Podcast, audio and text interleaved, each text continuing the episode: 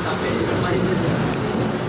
Selamat Hari Lahir Pancasila Pancasila yang kemudian berdikari hingga tujuh dekade lima tahun di negeri ini.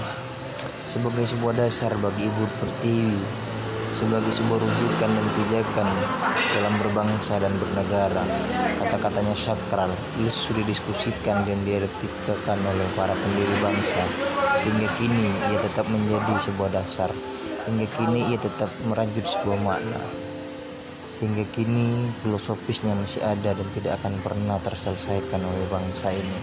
Bangsa ini akan maju dan besar ketika bisa memaknai kata-kata sakral yang ada dalam Pancasila, mengenal dan bisa berdikari berdaulat adil dan makmur menuju kehidupan yang lebih baik.